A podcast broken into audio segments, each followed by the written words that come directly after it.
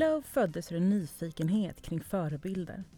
Vilka är kvinnliga förebilder i Sverige när vi går in i 2020? Vilka ser vi upp till, lyssnar till och inspireras utav? Vi har frågat och vi har fått ett svar. Dessa kvinnor har vi träffat för att ta reda på vilka de är och vad som driver dem. Vi har även intervjuat andra kvinnor som vi tycker att fler borde få upp ögonen för. Det här är en intervjupodd med mig, Maria Högberg och kvinnliga förebilder i Sverige.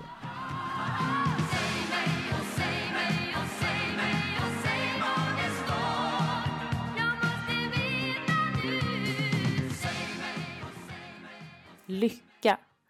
Fem bokstäver som tillsammans skapar en fantastisk känsla. En känsla vi vill uppnå, längtar efter eller kanske känner precis just nu.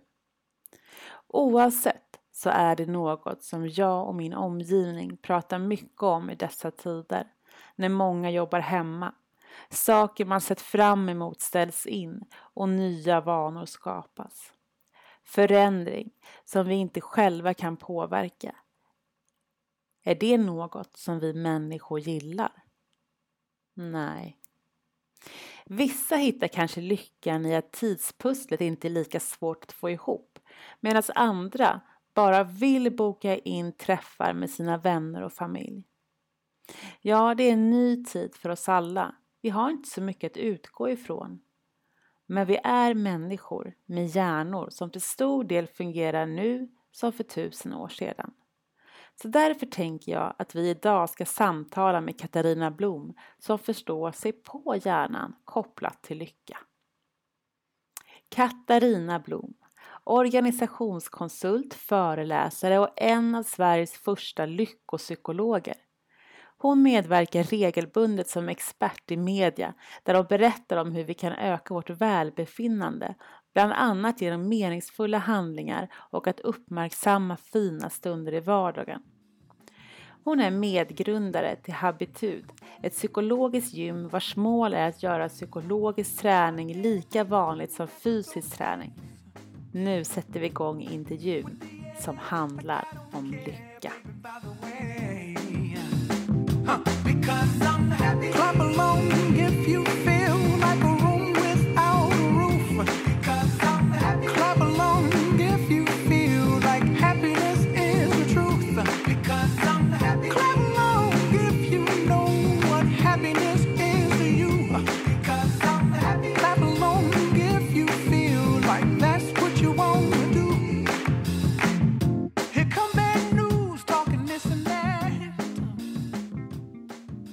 Så, men varmt välkommen hit!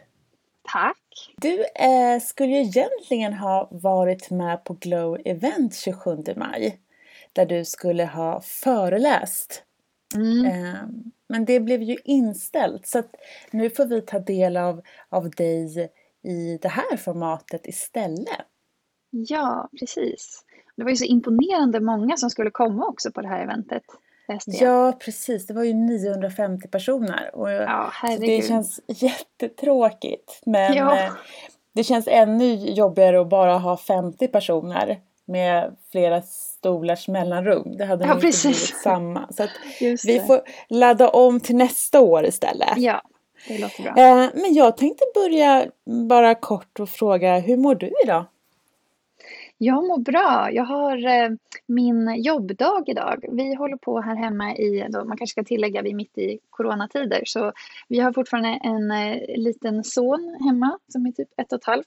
Så jag och min sambo delar just nu och är, varannan dag jobbar man och varannan dag är man med honom. Så jag är väldigt taggad på min jobbdag idag. Och att vara med i den här podden och så ha lite spännande möten senare i eftermiddag. Via länk såklart. Ja. Men hur har ditt, ehm, hur har ditt jobb förändrats nu då under Corona? Ja, så det har ju förändrats jättemycket. Det var, eftersom jag är, jag är ju psykolog men jag arbetar som föreläsare mycket och försöker liksom föra ut ett budskap på lite bredare nivå. Och eh, det var ju som att bli arbetslös över en natt kan man säga. Eh, eftersom det verkligen var precis folksamlingar som är det stora problemet. Ehm, men ehm, Ja, jag tyckte det var jobbigt, verkligen. I, eh, precis när det här beskedet kom och mejlkorgen fylls bara av de här eh, avbokningar, ombokningar, avbokningar, ombokningar. Um, så det var jättetufft tycker jag. Man får verkligen påminna sig om att det här är inte att eh, plötsligt har alla kunder läst en dålig recension om Katarina Blom, utan att det här är ett samhällsfenomen. Alltså, det är lätt att man tar det personligt utifrån vår, liksom, hur vår hjärna fungerar. Eh, men eh, det är bra att påminna sig om att eh, just nu är det här något som sker på samhällsnivå. Och eh, efter den initiala liksom, downen, att jag kände att eh, åh vad tråkigt det här är och det är så sorgligt och det är så tufft läge för hela världen. Jag, halva min familj bor i Italien så att jag har verkligen mycket, mycket nära kontakt med eh, vardagen mitt i liksom, där det är som tuffast.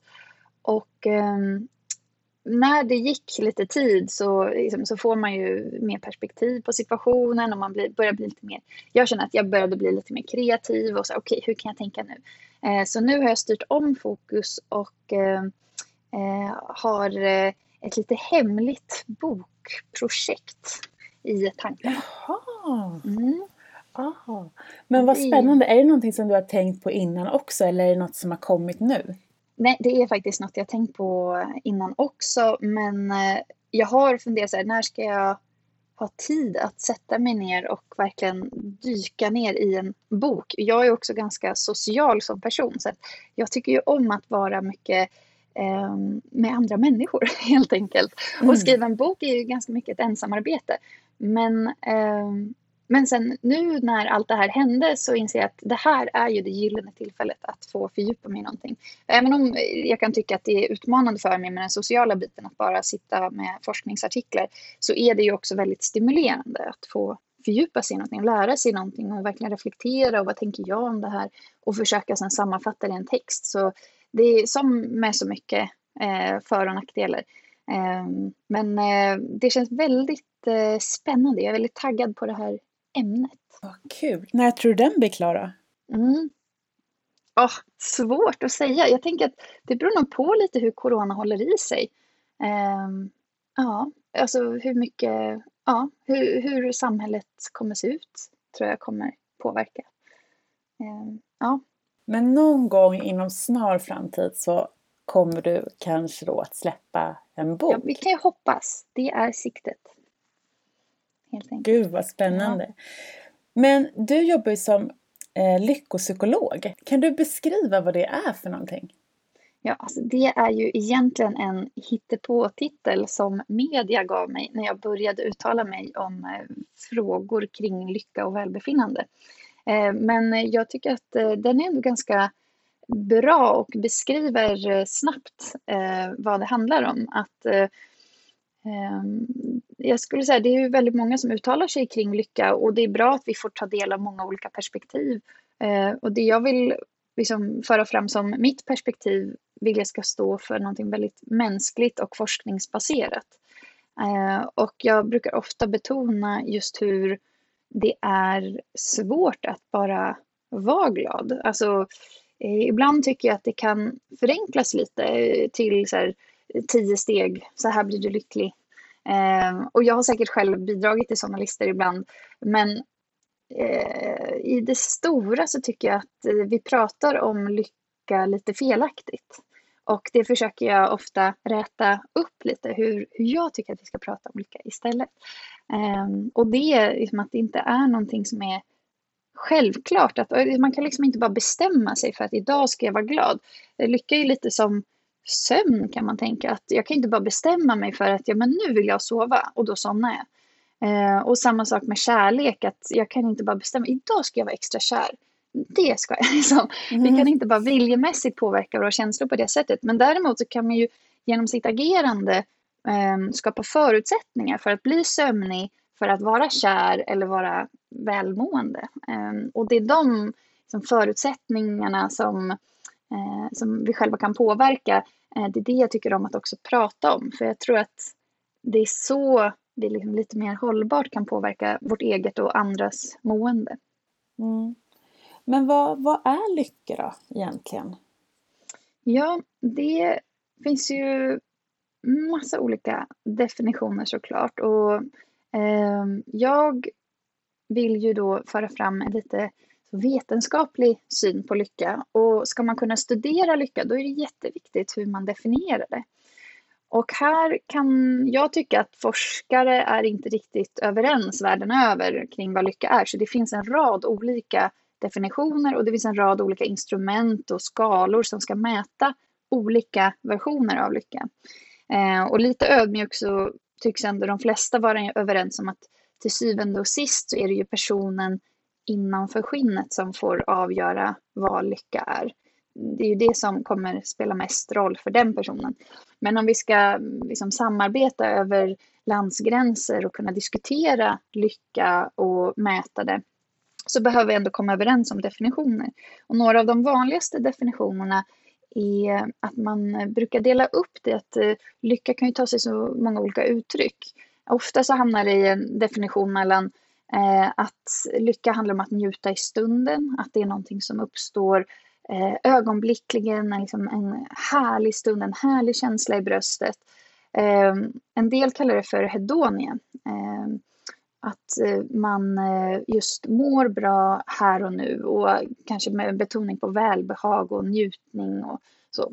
Eh, och en annan definition vid sidan av hedonia är eudaimonia som handlar mer om ett långsiktigt perspektiv på lycka. Kanske mer så vad är ett meningsfullt liv?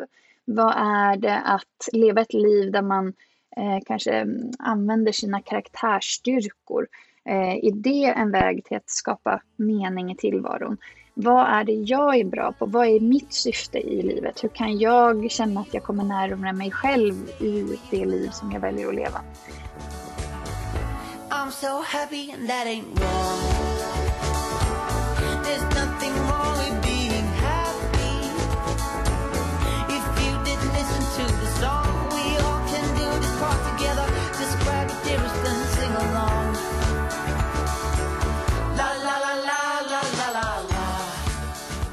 Alltså det är liksom allt från den väldigt kortsiktiga synen på lycka här och nu till den väldigt långsiktiga, väldigt så, eh, vad ska mitt liv handla om ungefär. Eh, och en annan variant på den här uppdelningen är att en del vill mäta livstillfredsställelse. Alltså hur nöjd är jag med mitt liv? Och det är en ganska kognitiv definition, kan man säga så? En kognitiv del av lycka, alltså en tankemässig del. Det är, om jag skulle fråga dig, hur trivs du i ditt liv? Då kanske inte du svarar direkt hur jag mår precis här och nu, utan mer gör en tankemässig överslagsberäkning. Att ja, hur trivs jag i livet? Jo, men jag jobbar hemifrån, det är lite tråkigt. Eh, men jag bor ju på en plats jag verkligen trivs med. Och, alltså att man lägger ihop olika pusselbitar och eh, säger sammantaget, ja men så trivs jag ganska bra. Ehm, och det är ju den lite mer då långsiktiga versionen medan den mer kortsiktiga eh, definitionen av lycka kan vara ett emotionellt välbefinnande där man frågar då hur mår du just nu?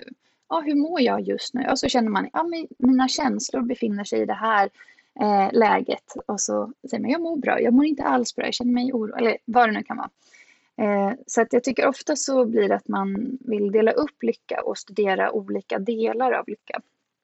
En annan definition är ju väldigt biologisk, att man titta på hjärnan, hur eh, blodet flödar olika i hjärnan beroende på vad en person upplever för typ av känsla ehm, i sådana här hjärnröntgenmaskiner. Eh, Och eh, då har man sett till exempel att lite, lite grovt uttalat så kan man säga generellt så tycks det som att känslor av välbehag tycks sitta i vår vänstra hjärnhalva. Eh, att det ofta strömmar blod dit när testpersonen mår bra och är glad. Kanske tittar på en rolig film inne i maskinen och sådär. Men ser det likadant ut då eh, över hela världen? Det borde det ju göra. Jag tänker efter här.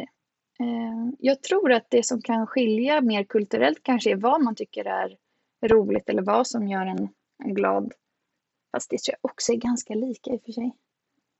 Um, jag tycker det känns som generellt sett att vi människor är ju mer lika varandra än olika och vissa saker tycks vara eh, gällande för alla oss människor. till exempel att vi mår väldigt bra av rörelse och vi mår väldigt bra av eh, relationer till exempel. Eh, så jag skulle säga att mycket är ändå... Är det någonting som liksom förenar oss människor över, över hela världen? Att vi relationer och träning är sånt som gör oss lyckliga? Ja, absolut. Det skulle jag faktiskt våga säga. Eh, men sen har man sett till exempel att vi rent kulturellt tycks värdesätta olika typer av positiva känslor olika. Det finns vissa studier som menar att i eh, västerländska amerikanska studier så har man sett att eh, man tycks värdesätta intensiva lyckokänslor där man känner en kick och man känner så här yes och starka lyckokänslor. Det är det man vill känna. Det är som värdesätts högt. Alltså mer typ som eh, så här fall, fallskärmshoppning och sånt? Ja men precis. Typ att, det är liksom, ja. ja. att det verkligen spikar, att det är en eh, lite mer extremt stark lyckokänsla. Eh, Medan i mer asiatiska kulturer så menar vissa studier att man värdesätter mer en mildare form av lycka, lite mer att man känner sig tillfreds i sin vardag eller att man känner sig harmonisk, att man känner sig lugn och glad till exempel. Att det är det som är mer eftersträvansvärt eller det är det som man uppskattar mer. För det jag också tänker är så här att jag kan ju känna lycka, till exempel om jag eh, sitter och eh, spånar fram någon idé som jag vill genomföra. Mm. Eh, mm. Då kan jag ju få nästan en större lyckokänsla än när jag väl genomför idén. Men då är mm. den ju inte sann ens. Då är det ju bara en konstlad känsla ju.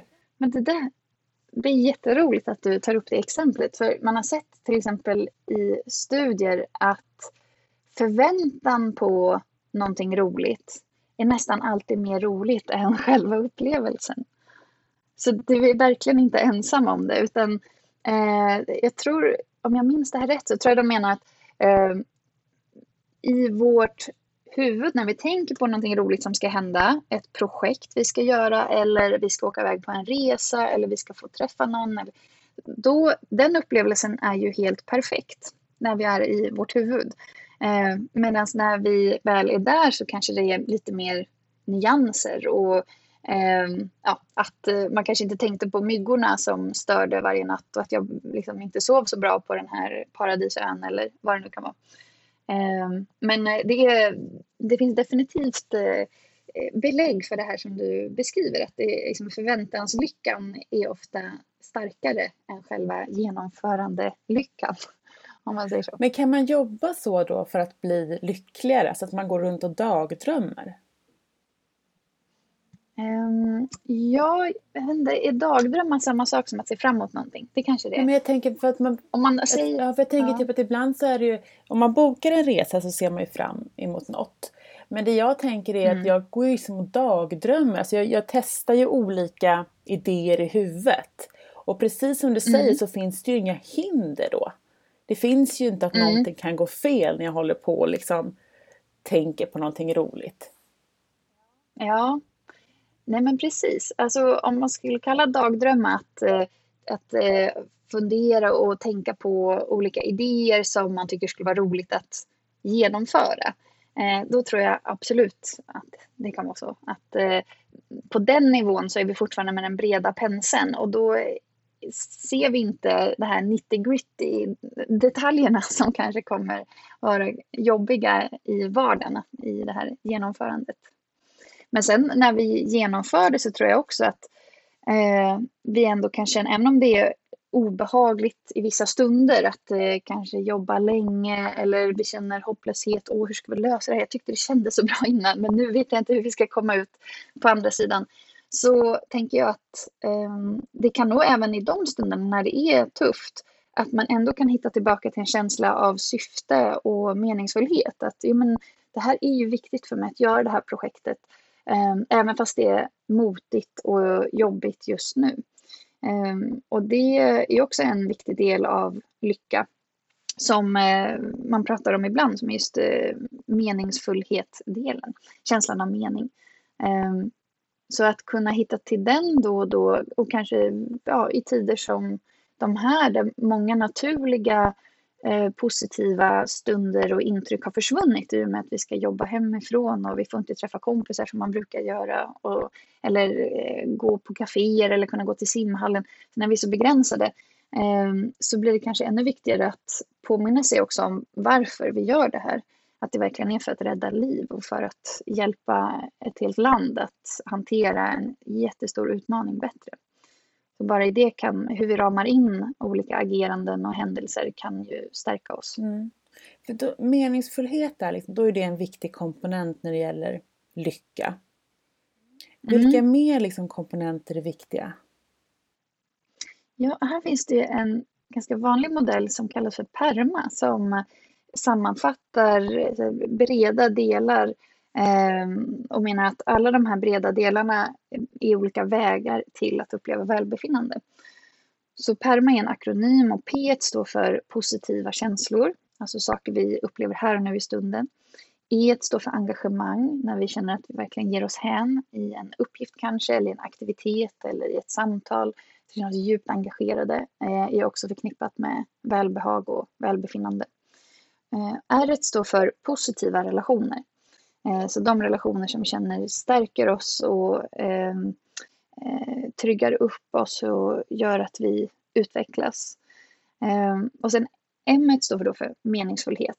Och här pratar man om meningsfullhet också som eh, känslan av att jag gör någonting som är eh, bortom mig själv. Alltså att jag gör någonting som tillför till en större helhet. Till exempel att jag att tvätta händerna känns meningsfullt för att jag vet att det begränsar smittan i ett större sammanhang. Eh, och sen har vi eh, A som står för achievement och eh, det handlar helt enkelt om eh, gott utförande. Eh, hur vi gör saker eller prestation, att vi känner att vi kan ehm, för, ha förmåga att nå mål som vi känner är viktiga för oss eller att vi har kompetens att kunna utföra de eh, arbetsuppgifter eller sköta om vårt hem eller eh, ja, vad det än kan vara. Att känna att så här, jag har agens, jag kan eh, aktivera mig och jag kan prestera. Det mår vi också bra av. Och sen finns det ett tyst litet H eh, efter perma som eh, man lätt missar. Och H står för hälsa, alltså den fysiska hälsan. Så det här är liksom sex olika delar som man har sett tycks fungera för många människor att de leder till välbefinnande. Och behövs då alla de här delarna för att känna liksom lycka eller välbefinnande? Eller räcker det med bara en? Eller är det liksom att om man når alla så blir man extra lycklig? Jag tror att det kan vara bra att se det kanske som att, eh, att det inte bara finns ett sätt att må bra. Eh, utan att vi blir mer robusta om vi bekantar oss med många olika sätt att stärka oss själva. Och därför kan det vara viktigt att eh, ha lite olika att välja på. Olika dagar har man ju olika mycket energi och uh, liksom geist för att eh, kanske ta sig ut i löpspåret eller ringa en kompis eller prestera bra på jobbet. Så då kan det vara bra att veta, ja men idag ska jag bara njuta. Jag kanske ska ta ett varmt bad och tända en brasa. För det är vad jag orkar med och vad jag behöver just nu. Eh, så jag tycker att eh, det kan vara skönt att veta om att det finns flera sätt att må bra och att det gäller mycket att checka in med sig själv. Att vad, vad behöver jag just nu? För även om relationer är generellt sett bra för oss, alltså om jag är en så hyperrelationell människa som bokar in träffar med kompisar från morgon och kväll, eh, så kanske inte det är så hälsosamt i slutändan. Eh, och jag, det kanske inte matchar längre mitt behov. Så det är det som är faran lite tycker jag, när man, och ofta missas lite när vi pratar om lycka. Att så här, gör så här, skriv tacksamhetsdagbok så, så blir man lyckligare.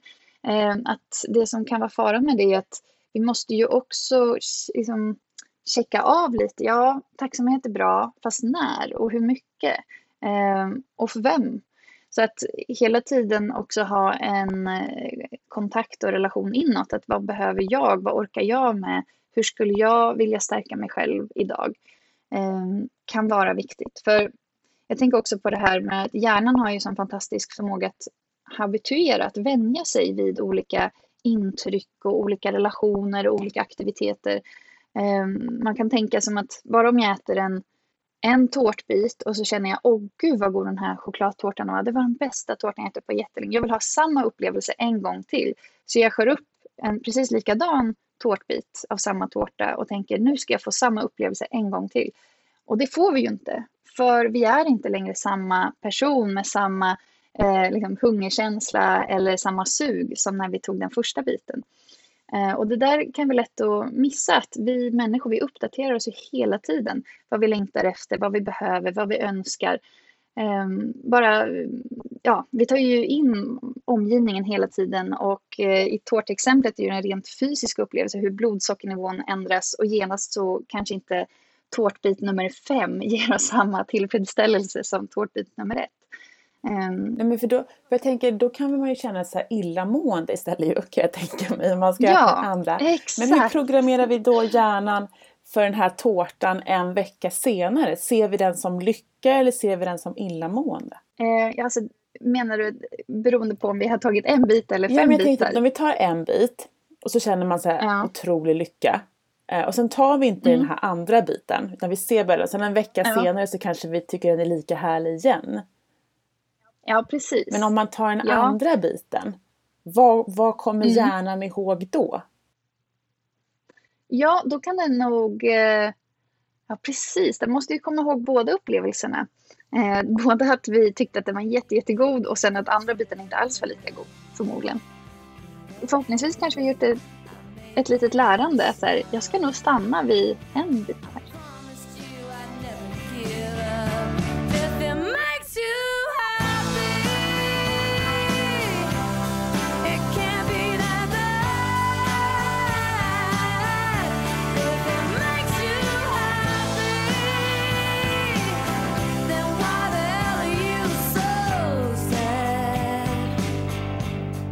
Jag, jag tänker att poängen är ju det här att hitta vad som är rimligt för mig och vad som blir en bra balans i helheten. Och att man inte stirrar sig blind på interventioner, alltså på övningar. Att gör jag bara den här övningen så kommer jag alltid få samma effekt och samma resultat. Att just när det kommer till mående så är det så pass flytande och det påverkas av flera, mm, flera tårtbitar, eller vad ska man säga, flera pusselbitar i livet. Eh, så även om vi stärker upp oss kanske i vår parrelation så kan det fortfarande vara att det är jobbigt på jobbet.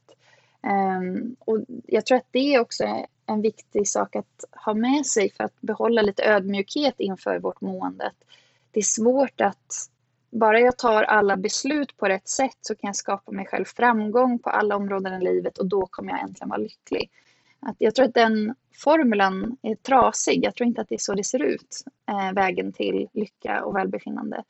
Eh, utan att livet och tillvaron och vår egen hjärna, det, de här bitarna är alltför komplexa. De påverkar varandra på massa olika sätt hela tiden. Och det uppdateras hela tiden, att allting är i förändring. Och att bara ha med sig den ödmjukheten att mitt mående är i förändring. Både när jag mår dåligt så vet jag, jag kommer inte alltid må så här dåligt, det kommer förändras. När jag mår bra, vad härligt att jag mår bra, för jag vet att det här inte är för evigt.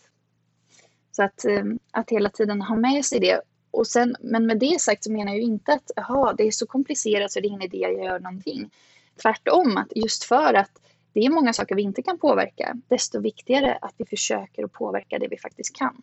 Vilket jag skulle säga är våra handlingar och att skapa de här goda förutsättningarna för att välbefinnandet ska uppstå. Mm. Men hur länge kan man vara lycklig då? Hur länge kan den känslan... Nu pratar du för sig om två olika synsätt på lycka. Men om jag tänker på mm. vår liksom kicksökande lyck och känsla, hur länge mm. kan den stanna kvar? Ja, jag skulle säga att eh, kickar är ju lite mer eh, inne på det här positiva emotioner-delen. Och där känslor kan man tänka på i, framförallt i, i mått av sekunder och minuter, inte dagar och år. Eh, så att eh, en kick är ju jättehärligt och absolut inget fel med att ha en kick ibland. Det livar ju upp, eh, definitivt. Men eh, den försvinner ju också eh, väldigt snabbt. Så att inte förlita sig på att bara för att eh, jag tänker om man har kämpat för någonting under en lång tid, kanske att dra ihop en gala till exempel som ni har jobbat mycket med.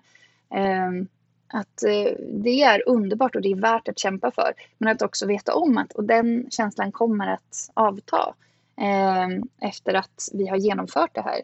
Eh, och det är inte fel, det är ju jättebra att den gör det för då skapar vi grogrund för nya kickar eller nya liksom, strävanden. Eh, ibland så kan jag känna att vi pratar om att må dåligt eller obehag eh, på ett lite olyckligt sätt. Det är ju väldigt tur att vi har variation i måendet för det är det som lägger grunden för att vi också ska kunna få sådana här underbara kickar. Eh, ett lite vardagsexempel från mitt eget liv är ju när jag där blev helt avbokad och ombokad eh, med mina föreläsningar. Det var ju så tråkigt och jag känner mig låg och åh vad trist att det är så här nu. Eh, och sen hör någon av sig så här, men Katarina vill du inte vara med på det här eller vi skulle behöva din hjälp med det här. Så glad som man blir över att få sådana frågor just för att jag hade varit i ett helt annat känsloläge innan. Så det är bra att vi har lite variation av känslan. Det gör ju att livet blir mer färgrikt. Men Eh, om man märker att man gång på gång hamnar i det här låga och olyckliga, det kanske inte är så bra. Eh, såklart.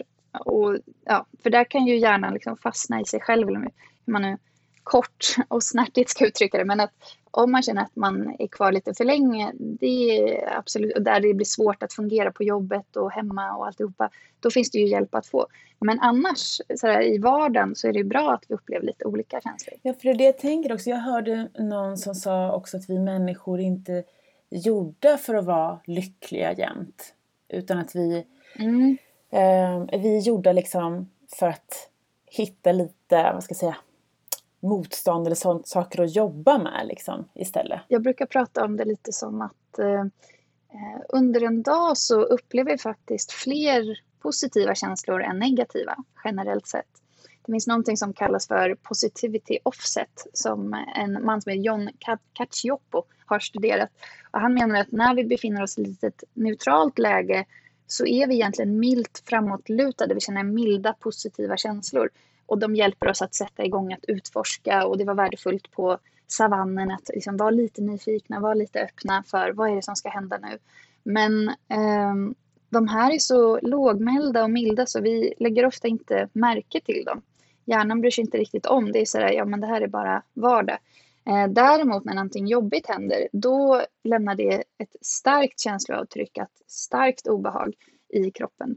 Eh, och det kallas i sin tur för att vi människor har ett negativt filter, en negativity bias, som gör att eh, obehagligt laddad information ska lämna ett starkare avtryck än motsvarande positivt eller behagligt laddad information.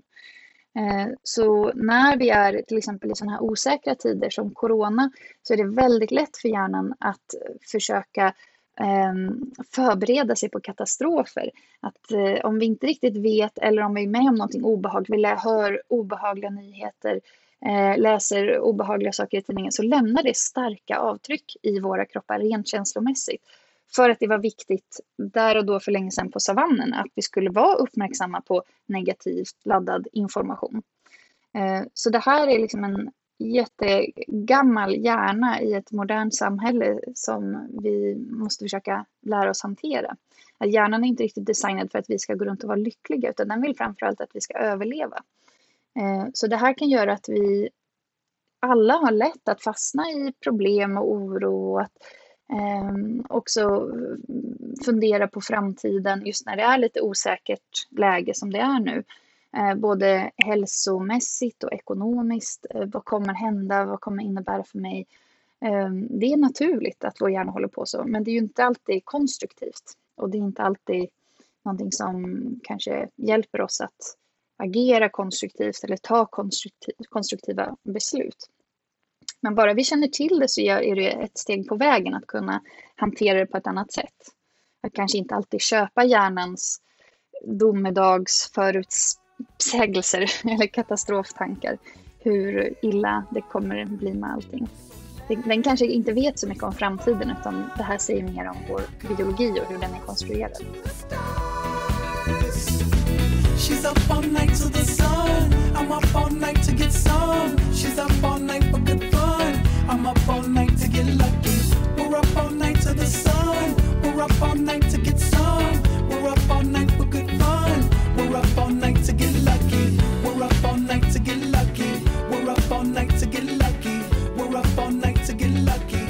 jag tänker vi har fått in lite frågor också och en fråga handlar ju mm. om eh, Corona och hur man ska liksom hålla mm. sig motiverad och glad. Eh, den här personen ja. känner sig deppig över vad som har hänt i samhället. Eh, och undrar då hur kan jag hålla mig glad och motiverad i dessa coronatider? Mm.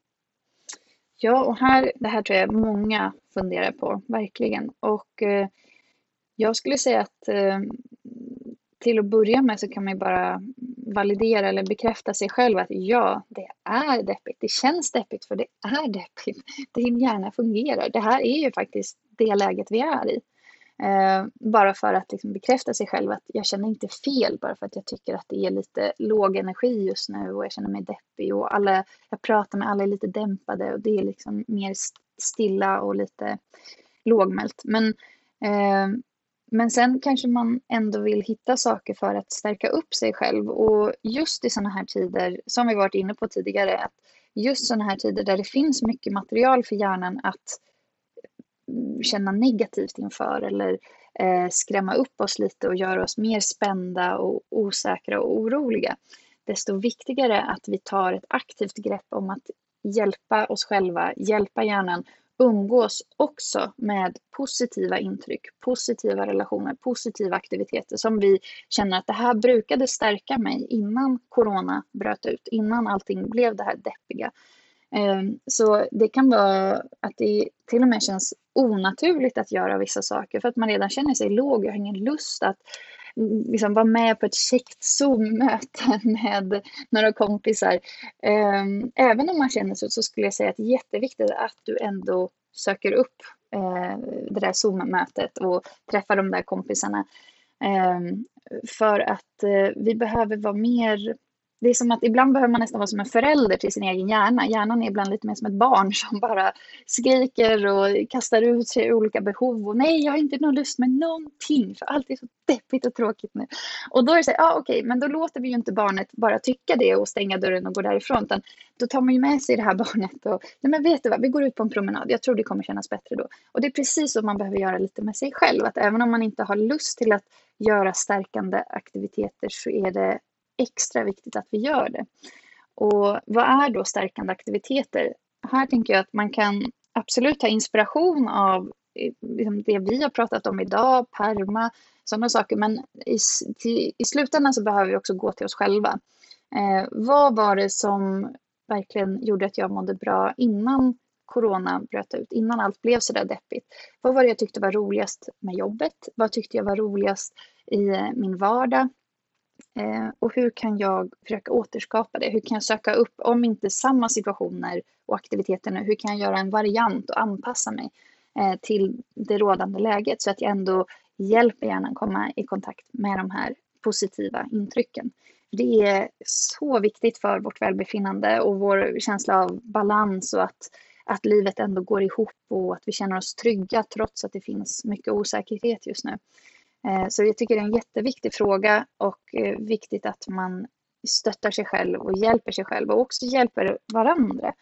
Eh, jag tänker vi är nog alla som har minst en vän, eller så är vi själva den personen till och från, som känner att det är deppigt just nu och man skulle behöva lite extra energi av andra. Så att vi också hjälper varandra att hålla i lite måendet ehm, och höra av sig, checka av, hur har du det? Jag kommer att tänka på dig. Eh, vill du ta en digital promenad eller vad det nu kan vara, att man går ut och pratar i telefon. Eh, mer viktigt nu än någonting skulle jag säga. Många pratar ju också om rutiner, att man ska liksom behålla sina rutiner när man jobbar hemma. Att man ska mm. klä på sig eh, någonting annat än mjukiskläderna, gå ut och gå så man har samma sträcka till jobbet som man mm. hade. Men jag tror, jag tror absolut att det är viktigt att vi eh, försöker att hålla rutiner. Eh, vi människor är ju lite vanedjur och ehm, eh, vi blir trygga av rutiner. Men också för att vårt mående påverkas mycket av, som jag var inne på tidigare, det här med situationen och sammanhanget. Att man kan bara skapa goda förutsättningar för att vi ska kunna må bra.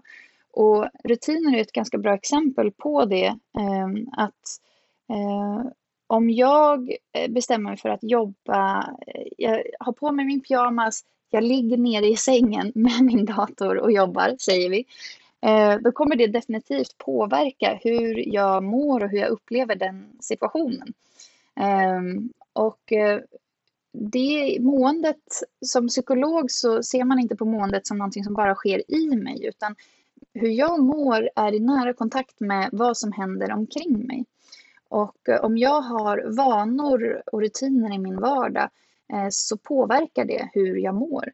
Så genom att sätta på sig kläder så kan det ge en känsla av att eh, lite ordning och reda, vi har lite aktivitet i någonting som är på gång. Genom att hålla undan hemma, se till att hela tiden städa, gå med sopor, hålla det fräscht, köpa hem god mat som jag uppskattar, eh, så gör det någonting med måendet. Så eh, jag tänker att eh, rutiner har en viktig funktion i att de är faktiskt det sammanhang vi är i just nu och sammanhanget påverkar mycket.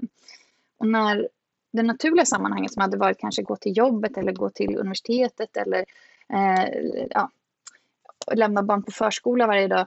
När det tas bort så måste vi ersätta det med andra eh, vanor och rutiner som påverkar oss stärkande.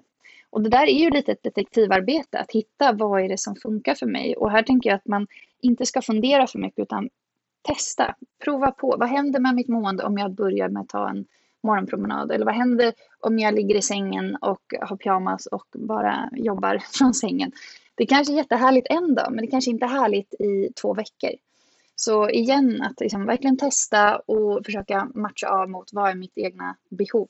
Eh, tror jag kan vara bra. Och då pratar du ju också om den fysiska miljön eh, runt mm. om. För jag tänker att när man är på arbetsplatsen mm. så har man ju inte lika mycket stress av att städa eller tvätta. Man tar ju hand om sin kopp Nej. och liksom lite sådana grejer. Men, ja.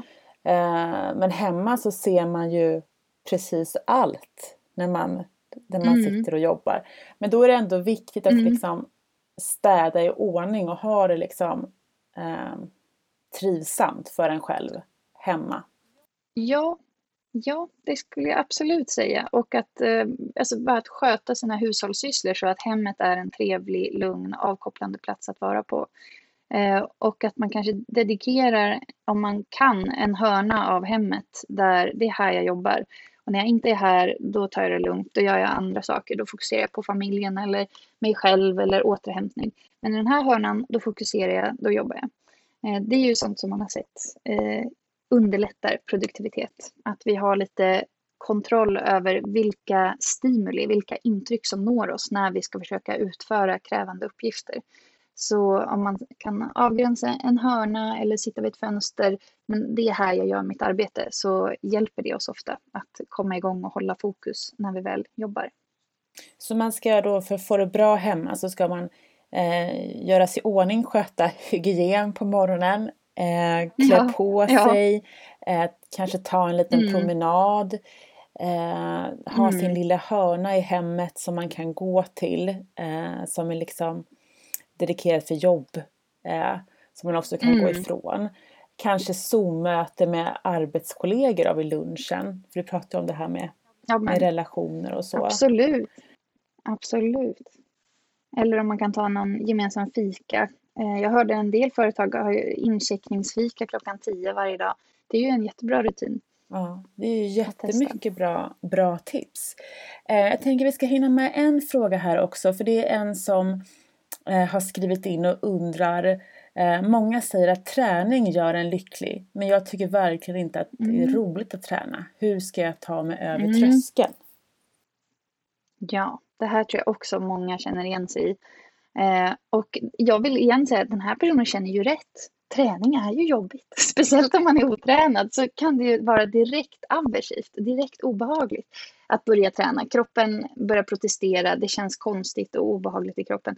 Men eh, det betyder ju, det liksom, obehaget säger ju inte att det du gör är fel, utan Eh, det är bara obehag, men det du gör är ju fortfarande en väldigt viktig och bra sak för din egen hälsa. Eh, och ett sätt att försöka komma över den tröskeln av obehag kan vara att kombinera träningen med någonting som man tycker är behagligt, som man tycker är genuint roligt. För jag kan förstå att man kanske tycker att vissa pass på gym och sådär är jätteroliga när man väl har lärt sig dem. Men i början kan det ju kännas eh, obehagligt och hur jag kommer tappa bort mig, jag kommer inte klara det. Alltså hjärnan är ju expert på att hitta på orostankar och anledningar varför jag inte ska behöva träna. Så här tänker jag, går det att, att kombinera din träning tillsammans med någonting som du tycker är genuint roligt? Till exempel eh, Ehm, att bestämma om man gillar ljudböcker, att jag får bara lyssna på den här ljudboken varje gång jag går ut och joggar.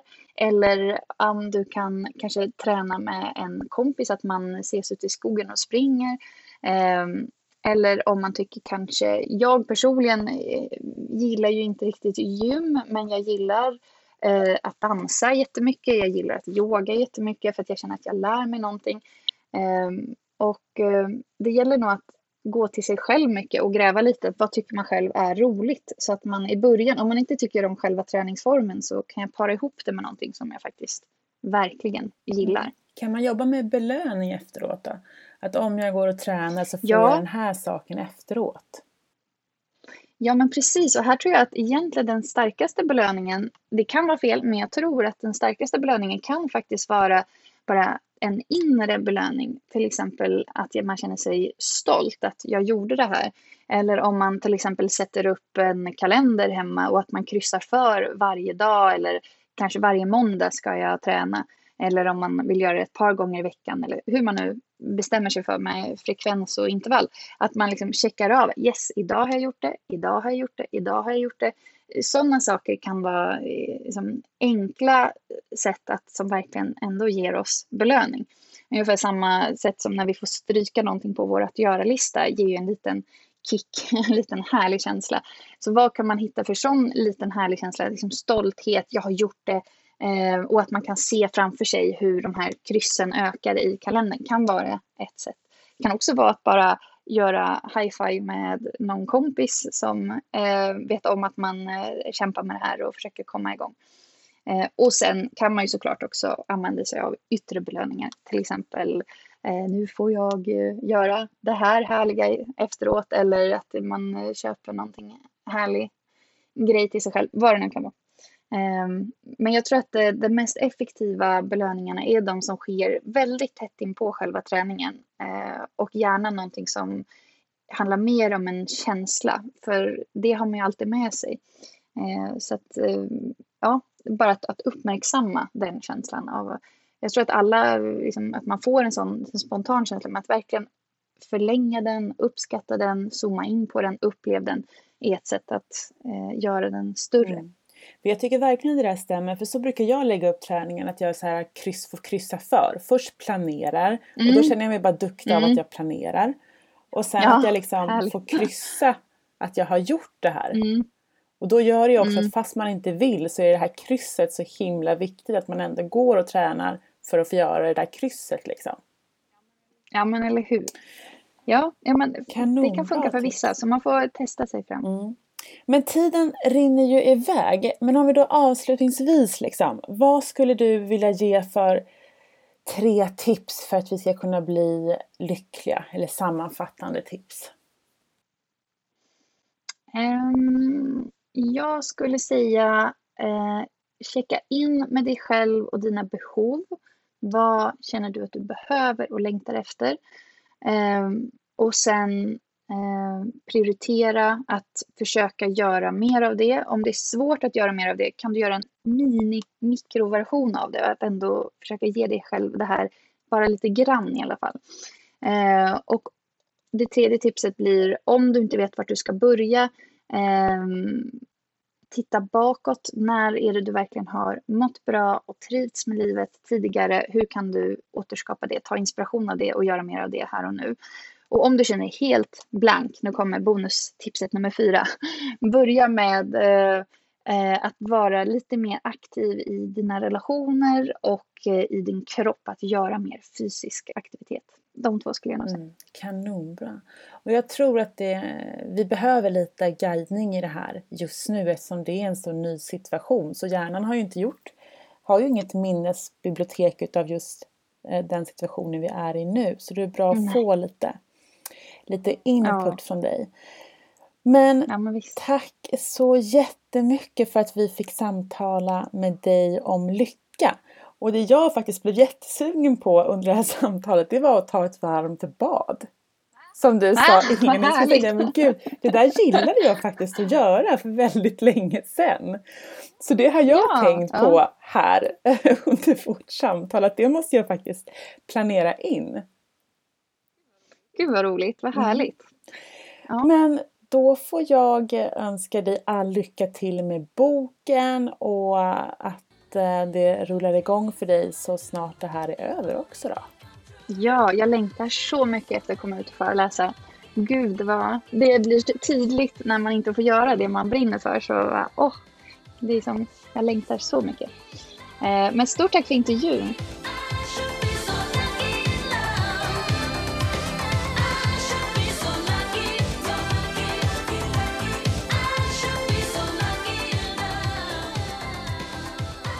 Oavsett hur du mår idag ska vi inte ta och lita lite på Katarina Blom och prova hennes tips om lycka.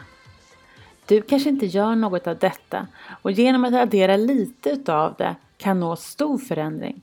Eller så kanske du gör lite av Katarinas tankar och metoder och behöver bara göra vissa förändringar. Eller så har du helt enkelt fått svar på varför du är så himla lycklig.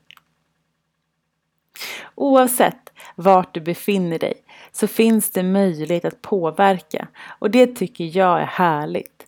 För påverka är också en av mina favoritord och påverka tillsammans med lycka blir ju ett magiskt recept. Det jag blev sugen på under denna intervju var att ta ett varmt bad. För helt plötsligt kom jag på att jag alltid badade tidigare och mådde så bra av det. Trevlig söndag på er alla och gör nu något som gör just dig lycklig.